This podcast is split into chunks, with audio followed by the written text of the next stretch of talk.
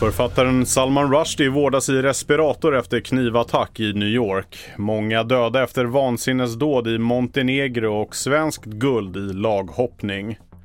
Det här är TV4-nyheterna. Den världskände författaren Salman Rushdie vårdas i respirator till följd av skadorna han ådrog sig efter att han attackerades på scen innan ett tal i New York under gårdagen.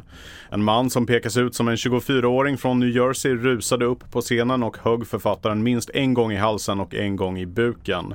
Motivet till dådet är okänt men Rushdie har levt under dödshot sedan 80-talet och hans roman Satansverserna delvis berörde profeten Muhammeds liv. Stödet för USAs president Joe Biden nådde under juli månad bottennivåer. Endast 36,8 procent av amerikanerna säger sig vara nöjda med hur Joe Biden sköter sin roll som president. Att inflationen är högre än på 40 år är enligt analytiker huvudanledningen till missnöjet. En 34-årig man har dödat minst 11 människor och skadat ytterligare minst 6 efter ett familjebråk urartat i staden Cetinje i Montenegro. Efter bråket ska mannen ha gett sig ut på en gata och börjat skjuta urskillningslöst mot människor, däribland barn.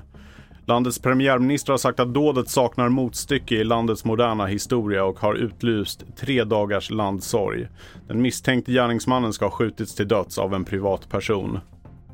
Det blev ett historiskt VM-guld igår kväll när Sverige överlägset vann finalen i laghoppning under VM i Danmark. Första VM-guldet i lagsport någonsin för Sveriges lag med Peder Fredriksson, Jens Fredriksson, Malin Bajard Johansson och Henrik von Eckermann. Mitt namn är Felix Bovendal och mer nyheter hittar du på tv4.se och i appen.